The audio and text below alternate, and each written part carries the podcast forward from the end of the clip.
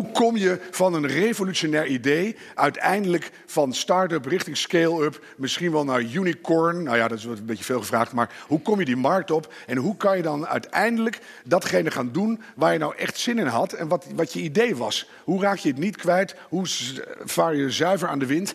Hoe, hoe manage je dat? Nou, ik dacht, er is maar één iemand die uh, los van economische structuren en tegen heel veel wallen opgevaren uh, door de jaren heen daarmee bezig is geweest. Hij is architect. Ik ken hem al nou, 20 jaar, denk ik, of zo. 50 jaar ken ik hem al.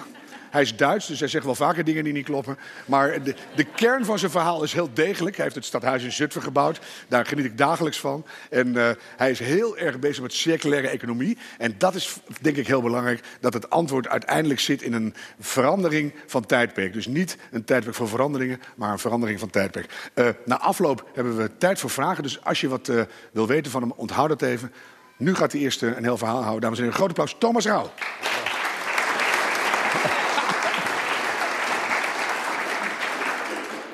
Ja, goedemiddag. Uh, nou, mijn naam is inderdaad uh, Thomas Rauw. Ik ben, ben architect. En er is net iets over ziekte verteld. En ik heb een aantal jaar geleden voor de tweede keer een kinderziekte gehad. Roodvonk. Nou, dat is geen pretje als je dat voor de tweede keer krijgt. Ben je echt helemaal van de kaart.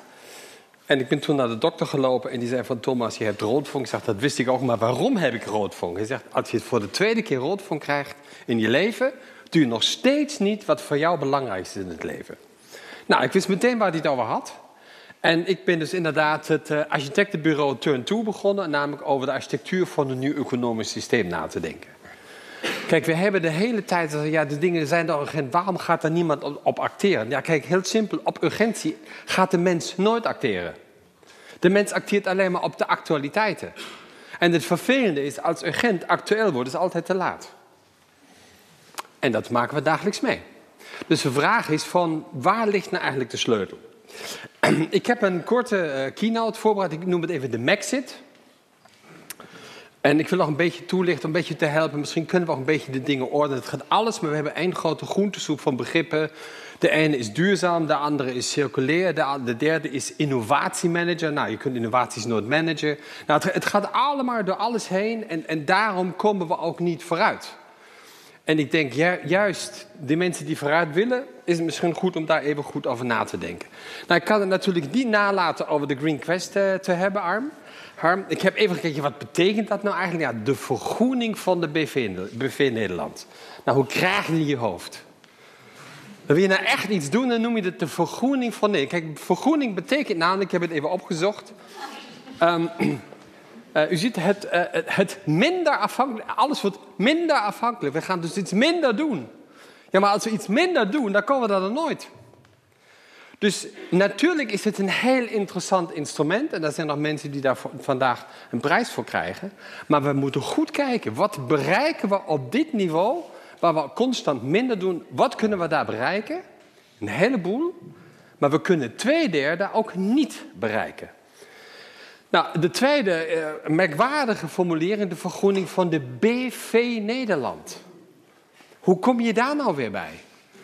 Nou ja, kijk, dat we het zeggen betekent al dat we het geaccepteerd hebben dat we een heel groot probleem hebben. En omdat Nederland als BV beschouwd wordt, daarom gaan we namelijk niet op de urgentie acteren, maar we gaan op de actualiteiten acteren.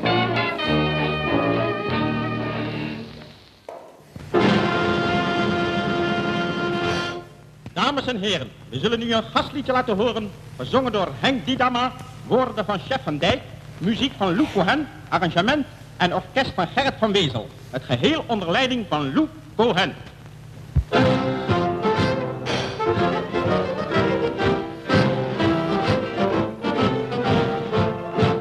Mevrouw, u moet mijn keuken zien, dat is van grootste belang. Uw moeite wordt gewis beloond, is geen vergeefse gang. Kijk, hier heeft u mijn gasfornuis, waarop ik bak en braad.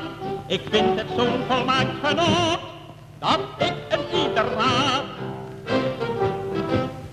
Gas is niet duur, dat moet de huisvrouw weten. Gas is niet duur, dat moet u niet vergeten. Gas is niet duur, schrijf het komt van pas. Wilt u economiseren, doe het dan met gas.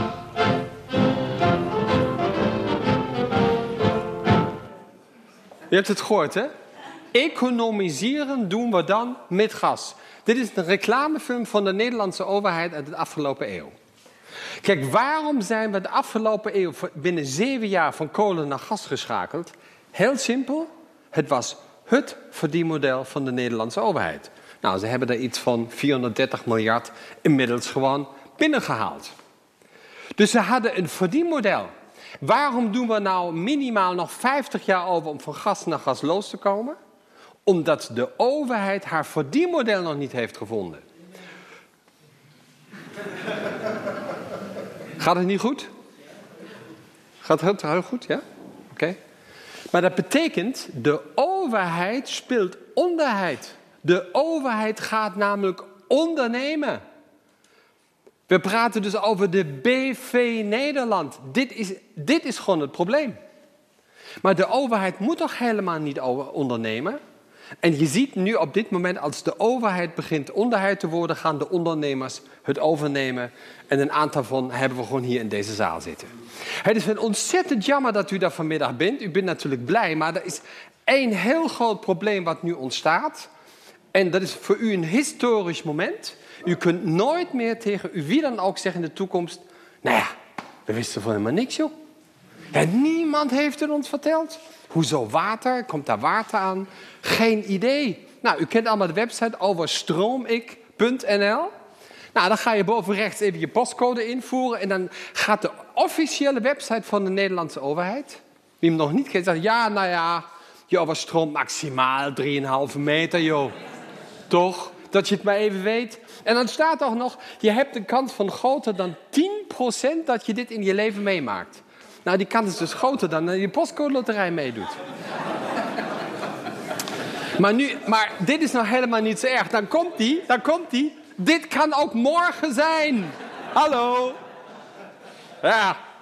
Dus als urgentie, als urgent, urgentie actueel wordt, dan is het gewoon altijd te laat. Dus je kunt nooit meer zeggen vanaf nu 2 juli 2019, 1643.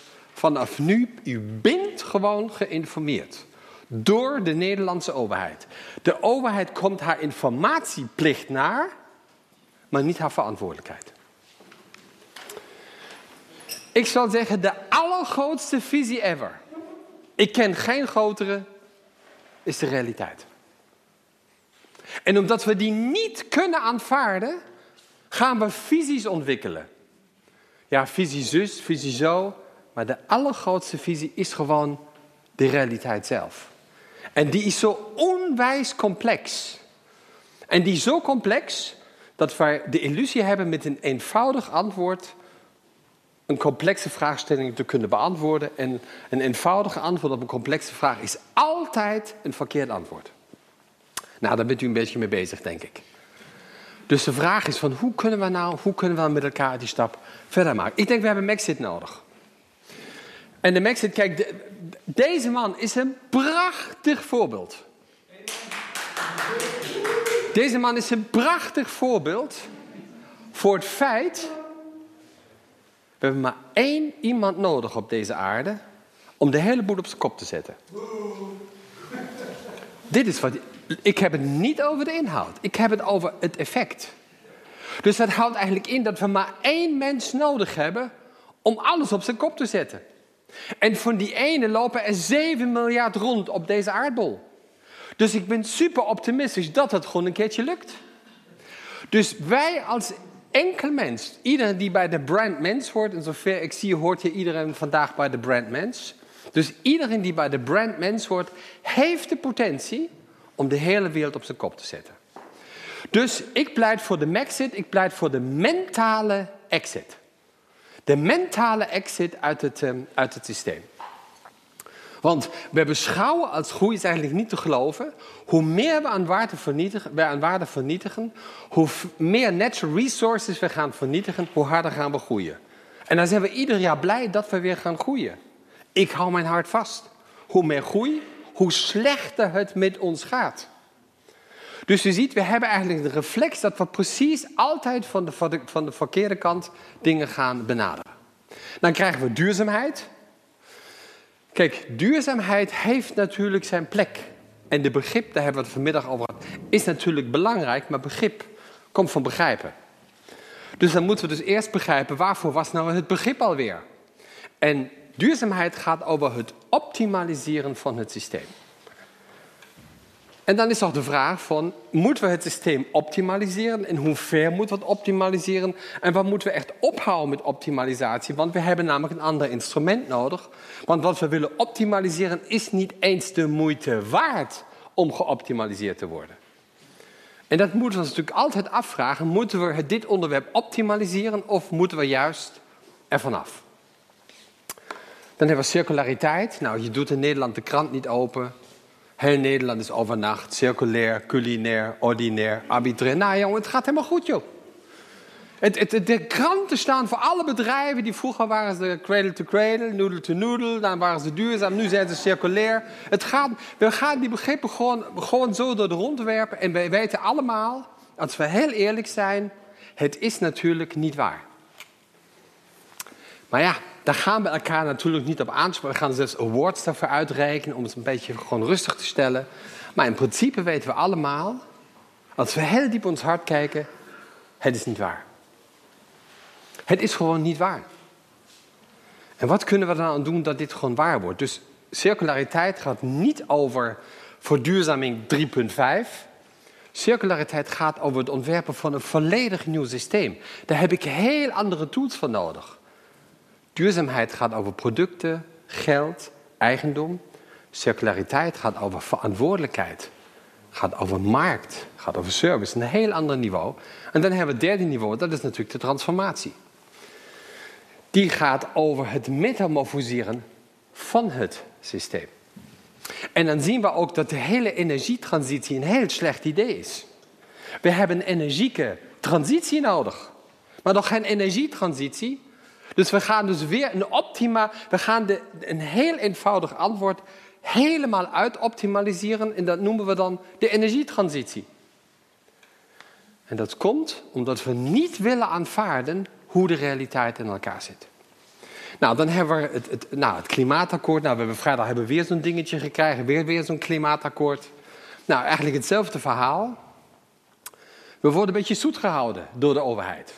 Want een akkoord betekent namelijk dat we met elkaar afspreken wat mogelijk is. Maar als inzichtgestuurde wezens, behorend bij de brandmens, hebben we toch de vaardigheid om vanuit inzicht gestuurde beslissingen te nemen. Dus we kunnen ook doen wat nodig is. Dus een akkoord is a priori gewoon het foute instrument. Want we doen niet wat nodig is. Ik wil u een ander voorbeeld geven. Stel, misschien is u dat ooit overkomen, dat u een beetje in problemen bent gekomen met uw partner.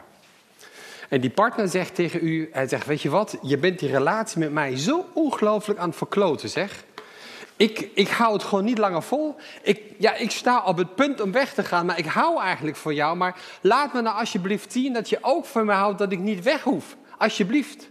Denk van, nou ja, zij, hij heeft misschien wel gelijk, dus laat, laat ik iets bedenken. En dan zeg ik, weet je wat, ik heb iets bedacht. En ik wil de relatie met jou herstellen, dat snap je. Ik heb besloten, zodat je ook bij me blijft, ik heb besloten, ik stop in 2031 met roken. Ik stop in 2044 met drinken. En in 2055 zal ik voor 87,3% mijn buitenechtelijke relaties willen beëindigen.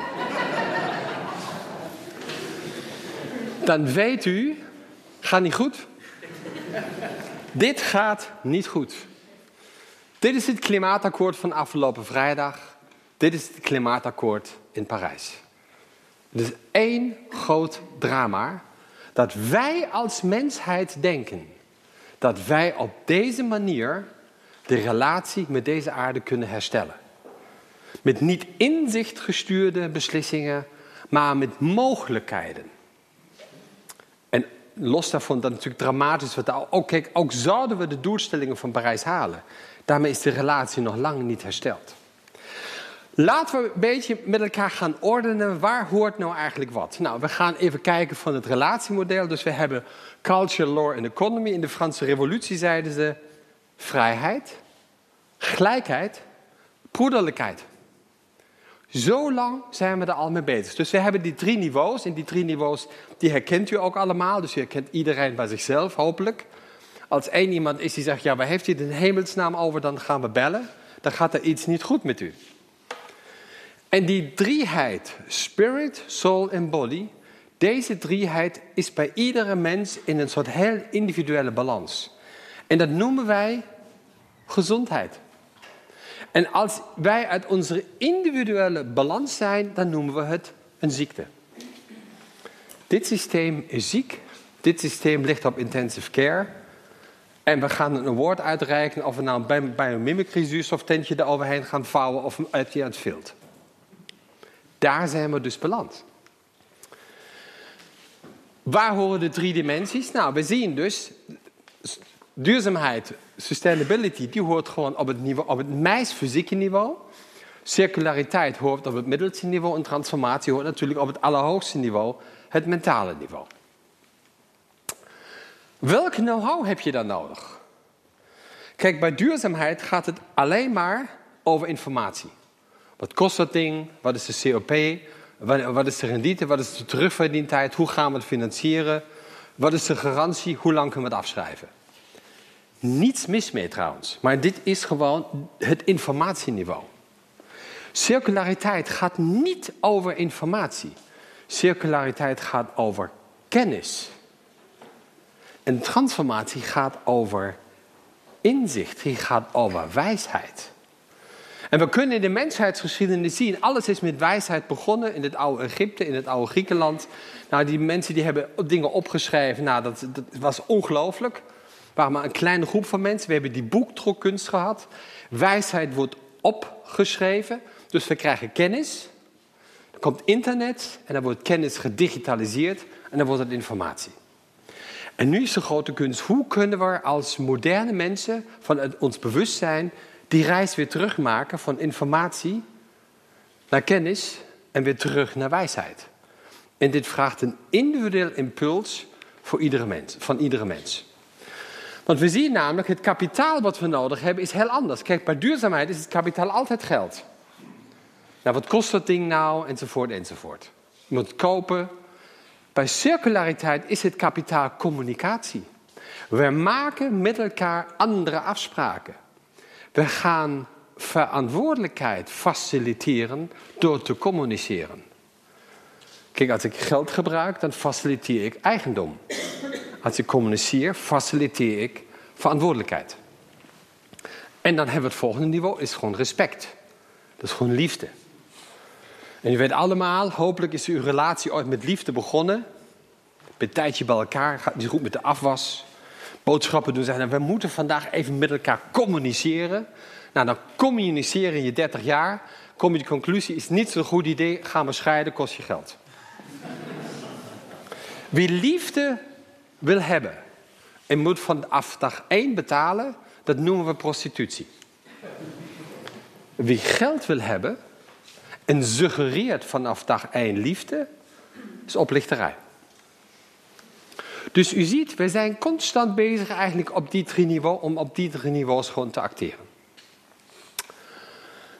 Het niveau is uh, inderdaad, bij duurzaamheid gaat het altijd over de klant. Ja, er is een klant die wil dat en dat. Ik wil nog even de klant bedienen. Ik hoorde, er zijn klanten die willen dit en dat hebben, dus je bedient een klant. Niks mis mee. Bij circulariteit bedien je geen klant. Kijk, wat IKEA nou in het begin heel goed doet, ik hoop dat ze het echt doorzetten met die matrassen, ze bedienen geen klant. Echt niet. Zij gaan een nieuwe markt creëren. Ze gaan een nieuwe creëren in de hoop dat daar dan die klanten komen. Zij draaien het dus precies om. En dan heb je natuurlijk dat mentale niveau. Dan leg je dus, hier gaat het dus over, over relaties. Dus je ziet, we hebben op alle drie niveaus andere instrumenten nodig. En uh, we moeten goed kijken, waar staan we dan eigenlijk met duurzaamheid? Wie neemt nou de leiderschap over, over die drie niveaus? Dat is natuurlijk het grote dilemma. De overheid zijn we al lang kwijtgeraakt. Even voor de alle duidelijkheid, helaas. We hebben een heel sterke overheid nodig. Daar pleit ik voor. Alleen, het is Fuji. Wie, neemt, eh, wie zijn de marktleider? Nou, kijk, Amazon, die zegt ons wat we moeten kopen. Nou, als u, als u dit boek koopt, nou, uh, Er zijn anderen die hebben die andere boeken gekocht. Dus die gaan je eigenlijk uitleggen wat je allemaal moet kopen. Op het middelste niveau is het Facebook in de relationele. Ja, maar goed, als je met die, dan moet je nog bij die zijn. Dan moet je weer die, met je die kennis maken. Facebook organiseert eigenlijk het middelste niveau. Daar zijn ze marktleider in. En de media, die gaan je vertellen wat je moet denken. En wat je mening eigenlijk zou moeten zijn om inherent in dit systeem te functioneren. Want we weten allemaal, opleiding wordt steeds meer afleiding. We zijn geen burgermaatschappij meer, maar we zijn een consumentenmaatschappij geworden. Waarom? Omdat we zijn de marktleiderschap kwijtgeraakt aan ondernemers. Ik moet even een beetje terugkijken. Nou, wat, kijk, wat zijn nou de ambities? Kijk, dat is ook heel erg interessant. Kijk, om welvaart te bevorderen. Dat doet toch de markt?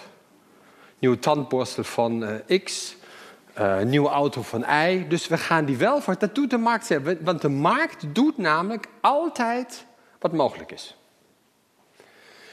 De welvaart te beschermen, dat doet ook de markt. Dat is eigenlijk alleen maar een ander verdienmodel. Maar welzijn borgen is de taak van de overheid. Want als je namelijk iets borgt, dan doe je wat nodig is en niet wat mogelijk is. Kijkt u maar naar de opvoeding van uw eigen kinderen. Hoeveel dingen moeten zij doen die ze niet leuk vinden, waarvan u weet, weet je wat, het is toch nodig dat je naar school gaat. En ik kan niet vertellen, dat gaat nog een paar keer gebeuren ook. Dus de taak van de overheid is het nodige te doen om welzijn te borgen. En hoe beter de overheid dit organiseert, hoe groter wordt de kans voor de ondernemers om het nodige dan ook mogelijk te maken. Dus we zijn veel te vaak met regelwerken geconfronteerd die niet deugen of die te veel snel veranderen, afschrijvingstrajecten. Nou, we zijn volstrekt afhankelijk van de wispelturigheid van deze overheid en daar gaat het dus onder andere ook mis. Dus u ziet het, waar hebben we wie nodig? Op verschillende niveaus. En dan ziet u meteen ook waar u bent. Nou, u bent dus op het niveau natuurlijk van duurzaamheid. En ik wil u er ook alle complimenten voor geven, maar tegelijkertijd ook heb niet de illusie dat je daarmee gewoon deze, dit systeem gaat transformeren. Dit gaat gewoon niet gebeuren en daar gaat het vandaag ook niet over. Dus het is wel goed om de plek te krijgen. Nou, ik heb het een beetje samengevat. Nou, dat, dat reisje kun je natuurlijk heel lang maken. Om, om te gaan ordenen hoe die driekleding, hoe dat er eigenlijk uitziet. Dat de Franse revolutie, nou ja, dat is al, nou Harm, hoeveel? 300 jaar geleden? Iets minder? 50 jaar? Ah nee, dat waren wij. Ah, iets langer. Uh, het is een heel tijdje geleden. Maar we willen maar gewoon niet beginnen. En we maken rondjes gewoon om de kerk. Nou, dan hebben we de... Zal ik een eentje terug, Jacqueline? Nou, doe ze even nog. Je kunt even een foto maken hoor, ik wacht even. Um, dan hebben we de, de 17 SDG's. Nou, die zijn helemaal hot. Moet je echt onthouden. Ja, 17 SDG's. De meisten zijn met nummer 5 bezig. Dan moet je alleen maar het bord op de deur veranderen. Dat gaat heel makkelijk. Uh, maar die 17 SDG's, en ik was afgelopen jaar uitgenodigd bij de Verenigde Naties. Daar had ik het met een hele groep die die ontwikkeld hebben. We hadden het over en die vroeg aan mij, Thomas, nou meneer Rauw, wat vindt u nou eigenlijk daarvan? Ik zei, nou ja, kijk, het is natuurlijk een briljant idee. Maar toen was die pauze daarna, die was toch verdacht lang. En toen zei ik, ja, maar denkt u ook dat het werkt? En ik zag mevrouw, het was niet van mevrouw, ik zag mevrouw, het gaat helaas. Ik zou het fijn vinden, maar helaas, het gaat niet werken. Maar zegt ze, maar waarom niet? Nou, ik zag, er zijn twee redenen. Nou, er zijn meer, ik heb twee. Eerste is 17. Nou, we hebben afgelopen zaterdag had ik een uh, party voor mijn zoon. Die is 18 geworden, gelukkig. Nou, 17 is een van de meest vervelende leeftijden ever. Want je mag nog net niks. Nog net niks. Je bent daar bijna, maar net niet. Je bent net niet lid van de grote wereld. Net geen auto rijden, niet naar de grote filmen, niet naar de stembus. Je mag het nog net niet. Ik zeg, als jullie de wereld willen veranderen, heb je een volwassen instrument nodig. En volwassenheid betekent 18 en niet 17. Daar gaat hij al fout.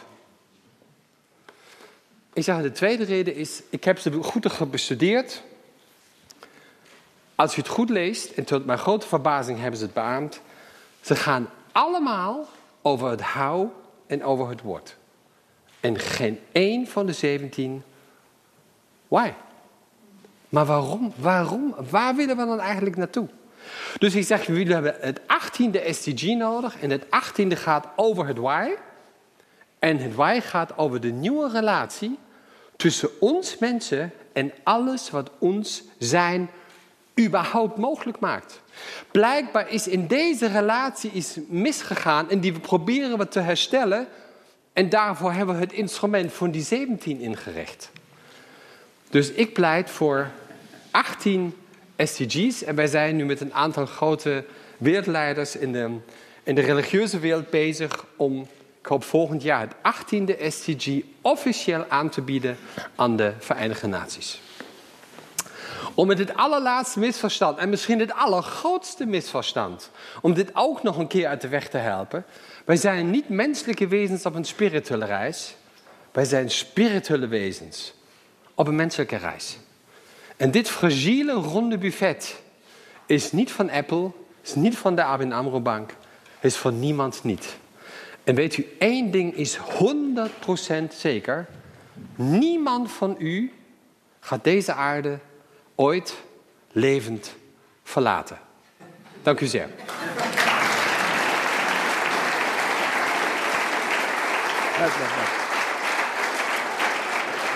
Ja, Thomas, dankjewel voor je enorm uh, opwekkende verhaal. Ik vond het echt... Uh... Het mooie is wel, dames en heren, kijk, als je dat, ik draag dat speeltje heel vaak. En ik geloof er op een manier wel in, omdat je dan in ieder geval met de hele wereld dezelfde bril op hebt. Dus het beginpunt van je gesprek is in ieder geval duidelijk waar je het over hebben wil. En het mooie is, als je kijkt naar die cirkel, in het midden zit een gat. En dat is nummer 18. Ja, klopt. Kijk, ja. zie je? Ja, en dan kan je zo ja, doorheen. Ja, ik zie en het. dan, ja. en dan ga je zo de nieuwe wereld in. Ja, Dus ik zie het. Eigenlijk, maar, ehm, wat, wat moeten ze wel doen? Want heel veel dingen moet je niet doen. En je, je moet, eh, hè, dus we gaan met die, al die prachtige innovaties de wereld niet veranderen. Maar er is toch wel iets aan de hand. Wij, nou ja, dat klinkt me heel simpel. Maar wij moeten ons in ons mens zijn oefenen. Ja. Wij zijn met z'n allen niet meer mens. We gaan allerlei dingen doen. We hebben rollen. We zijn consumenten. Maar wat betekent nou mens zijn? En wat betekent mens zijn met 17, met 30, met 50 of met 80? We hebben te veel van die doorgezakte pubers die 80 zijn. En denk, wat hebben ze de laatste 65 jaar eigenlijk gedaan? Is zo lekker gek? Ja. Dat. Ja, verschrikkelijk. Nee, dus zoals mijn favoriete schrijver Amos Os eh, ooit schreef... de mens heeft ten ene male het vermogen verloren om domweg gewoon te zijn. Bijvoorbeeld. Ja. En eh, hoe kan je dat oefenen? Misschien vraag 2. Vraag 2. Hoe zou je dat kunnen oefenen Ja, trouwens? nou, je kunt het oefenen door iedere ochtend even, als je wakker wordt, 10 minuten op je bedrad zitten, je ogen dicht houden en kijken wat er gebeurt. Dan, Ja, maar- nou, dat, kijk, je moet, je, je moet natuurlijk, kijk, we hebben het instrument en dat is dit. Ja. En we moeten het instrument stemmen en ter beschikking stellen voor ons mens zijn. En dan heb je altijd een momentje van stilte nodig en dan gaat het helemaal goed. Ik had eh, Diego Isabel La Moneda, misschien ken je hem. Grote Spaanse klimaatvoorvechter. En die zei, we zijn allemaal een beetje in jouw eh, lijn van het verhaal... in het kader van de groei. Allemaal opgevoed met people, planet, profit, al die dingen. En toen zei hij, eh, al zit het op zijn bed terwijl hij zijn ogen dicht had... die people en die planet, die horen bij elkaar. Dus als je nou bij alles wat je gaat doen... hoe je je, je mensheid ter beschikking stelt die dag... of welke Ja. beslissing je gaat nemen... als je die people bij die planet houdt... dan weet je intuïtief of een beslissing die eraan zit te komen goed is of niet. Nou, nou, kijk, de Indianen die hebben daar een spelregel. Als de Indianen iets willen doen, die gaan dan in, hun cultuur naar de oud. Dat is bij hun nog de, de meest wijze. Dat is bij ons ook heel anders geworden. Ja. En dan gaat hij goed nadenken. En dan, als hij denkt van, nee, wacht, in vijf generaties zou dit een probleem kunnen zijn, gaan ze het niet doen. Dus de Indianen zeggen, we, het moet voor zeven generaties 100% zeker goed zijn, anders gaan we het niet doen. Nou, kijk wat wij aan het doen zijn. Ja. Het is voor geen enkele generatie goed. Ik, ik had, eh, dan mogen jullie, het is een leuk gesprek, maar het gaat helemaal niet over jullie. Leuk. Ik had een eh, Lakota-Indiaan naast mij. Ja. Eh, Tioka's in Ghost Horse. En ik zei, ik niet, ik hè? zei altijd, hou hoop, doe het duurzaam. Nou, duurzaam mag niet meer van jou. En hij keek me recht en hij zei, harm, there is no hope. Zei ik, Oh, dat gaat ook lekker. Zei hij, hoop is een Grieks-christelijk principe... om alles wat je vanuit je zijn en je verbinding met de aarde echt wil... Ja. buiten jezelf te leggen en dan super hard te gaan hopen en binnen. Dus dan gebeurt er ook geen reet. Vond ik ook zo goed. En ik nou ja, dus we zijn een jaar lang hopeloos bezig geweest. Maar eh, jullie vragen. Wie, wie wilde wat vragen? Thomas, mag. Je hebt ze gewoon dichtgetimmerd, zie je dat? Helemaal geen enkele vraag? Mag hoor. Ja, ga je gang. Ik zie een hele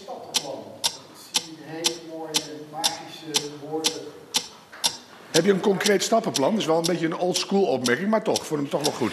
Dus ja, dat mag, tuurlijk, alles Nou ja, mag. kijk, ik, ik, kan, niet- ik, ik kan niet alleen mijn stappenplan noemen. En iedereen, heeft zijn, iedereen gaat ook op een andere manier voor zijn eigen gezondheid zorgen.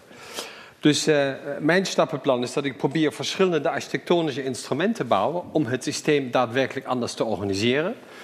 We hebben eh Madaster opgericht, het kadaster voor materialen, zeg maar, om de limited edition door de tijd en oneindig beschikbaar te maken.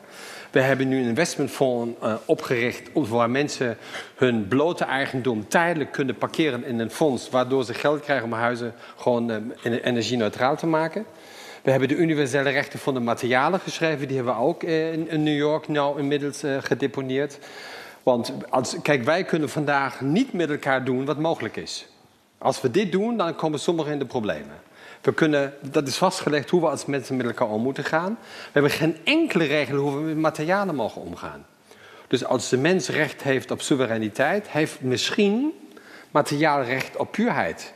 Dat betekent sommige materiaalverbindingen die, zi- die zijn gewoon, die zijn gewoon een not done. Nou, drie voorbeelden waar ik probeer verschillende stappen te zetten. En het grootste is eh, wat Harm en ik eh, van plan zijn om te doen. Ehm, mag ik vertellen? Ja, toch? vind ik wel. Echt goed. Wij willen een kunstwerk maken wat je alleen maar uit de ruimte ziet. Een kunstwerk over alle vijf continenten, waar, waar dat geen mens ziet, maar alleen de ruimte kan het zien. Dus daar zijn we, hoe ver zijn we daarmee, Harm?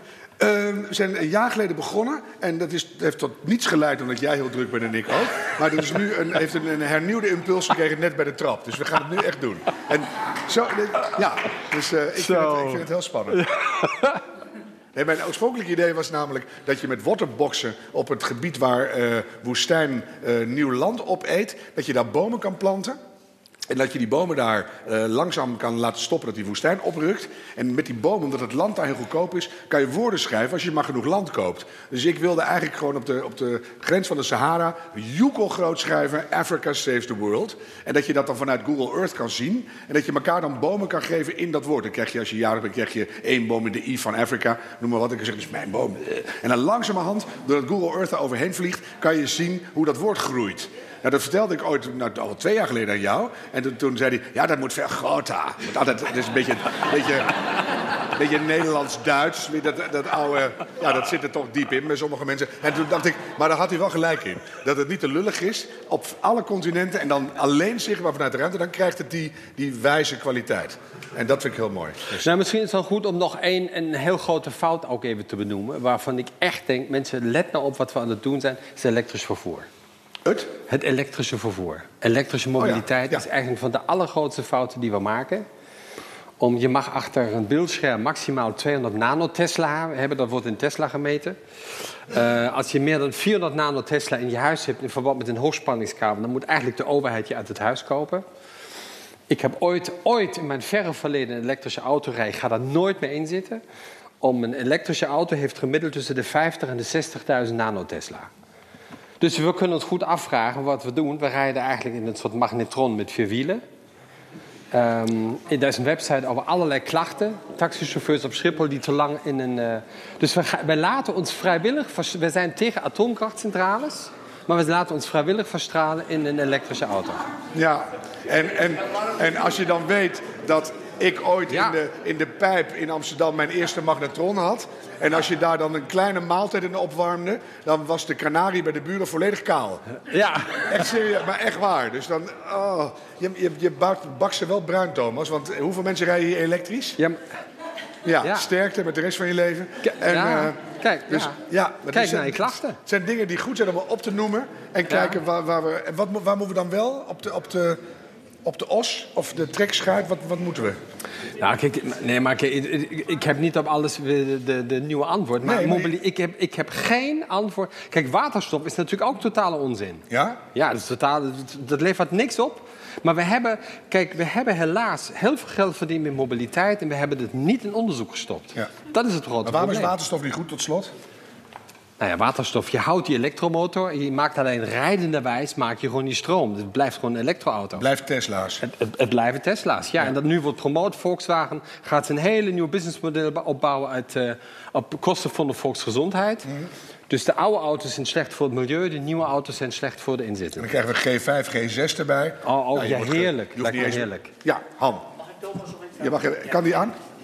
Ik vind het een inspirerend verhaal, hè. En d- ben- dit houdt mij ook enorm bezig. Dus, maar hij beg- trouwens, eh, de meneer van Angie, die komt straks. hij beg- eh, Thomas begint ook met van... het is een complexe materie. Ja. En dat is het ook. Eh, Even gewoon, ik ben razend benieuwd naar hoe jij dat zelf ziet in de ontwikkeling, eh, Thomas. Van de snelheid, toenemen van de wereldbevolking. We willen allemaal toch... eh, eh, ja, we kunnen over de Indianen praten, we kunnen terug naar het tentje. We kunnen het, maar hoe, hoe, zie, hoe zie je dat voor je? Zonder daar zeg maar, eh, iets heel slechts te, te zien. Maar eh, ik ben Ja, super benieuwd naar jouw Nou ja, ik, idee. ja, want- maar, maar Mag even, Thomas. Ik-. Die mag zo losbarsten. Want dan wordt dat de laatste vraag. Ik vind het een hele goede vraag. Hè, want, eh, kun je, het is niet, niet zomaar te vertellen. Maar kan je een kleine aanzet geven van hoe we met redelijk behoud van westerse welvaart... eh, de, de goede kant... Is dat mogelijk wat jouw optiek betreft? Welke kant gaan we op? Nou, het gaat dan mis met deze voorwaarden. Ja. Dat Ja, nee, ja, maar dan gaat het dan mis. Ja. Dus de, de enige kant is dat we van alles afstand doen. En ik, eh, ik wil je een antwoord. Kijk, ik, ik beaam ook niet dat ik, de- ik. Ik overzie de complexiteit ook niet. Ik wil alleen zeggen, dat is, ik zie een heel grote complexiteit. En ik was een tijdje was ik eh, adviseur van de koning in Bhutan, His Majesty Wangchuk. Eh, de, Is dat het homofobe land daar ergens in? ja, Ja, goed. Maar ga door. die gaan het bruto.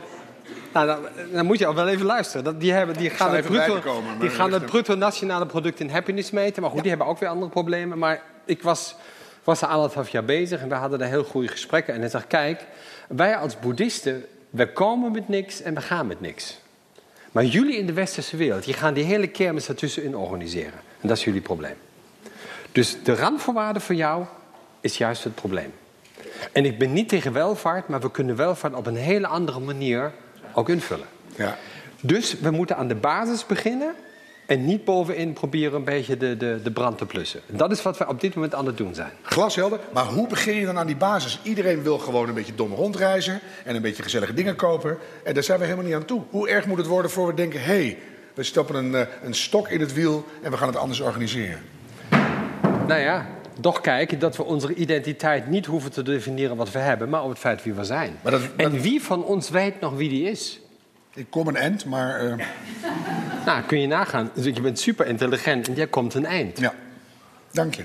Ehm, maar, de- de- maar snap je de vraag? Daar, daar gaan we dan- natuurlijk dan gaan snap we- ik je vraag. We gaan prijzen uitreiken, maar Ja, hoe, hoe, hoe begin je daarmee? Moet dan eerst het water toch op 3,5 meter staan? Moet er een waterwereldoorlog uitgebroken zijn? Moet een buxusmot de rest van de oogst opgefroten hebben? Hoe erg moet het worden voor we ineens elkaar verbijsterd aankijken en zeggen... zo komen we er niet uit, we moeten terug, naar, we gaan die, dat tussenstuk anders Maar organiseren. kijk, als je niet voor je kind zorgt en die gaat niet naar school en wordt die 18 en zegt ja, maar ik wil nu gaan studeren, dan zeg je ja, jammer, ben je naar school gegaan? Ja. Lukt niet. Nee. Ja, dat is wat we aan het doen zijn. Ja. Dus we moeten dingen doen die nodig zijn. Hoe? Hoe beginnen we? Waar vinden we dat punt? Om te zeggen, nu doen we het fundamenteel anders. We gaan gewoon door met repareren. Maak één grote fout niet, ga alles anders doen. Dan lukt het ja nooit. Dat heb ik ook tegen die meer van Ikea gezegd, niet of die daar nog is. Nee. Ik zeg, ga nou één ding helemaal goed georganiseren.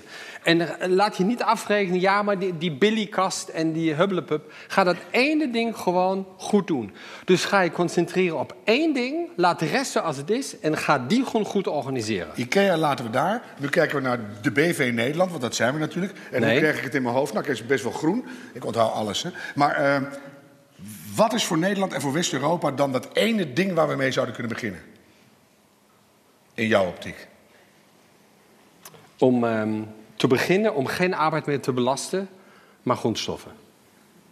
Wij moeten de eindigheid belasten en niet de oneindigheid. En wat we nu nodig hebben is de mentale power van de mens. En die moeten we niet gaan belasten, die moeten we juist ontzien van belasting. Ik ga je nu onderbreken, want je zegt heel veel. En de eerste zin was het allerbelangrijkste. Zeg het nog één keer. En die was, eh goeiedag. Arbeid, arbeid. Arbeid, oh, ar- arbeid. Ehm, we moeten arbeid als oneindige bron niet belasten, En alles wat eindig is, dat moeten we gaan belasten. Want de enige mogelijkheid je wat uit te zeggen, komen was is mentale stop, power. Stop, stop, dat was hem. Ja, dames en heren. Supergoed. Thomas. Wauw.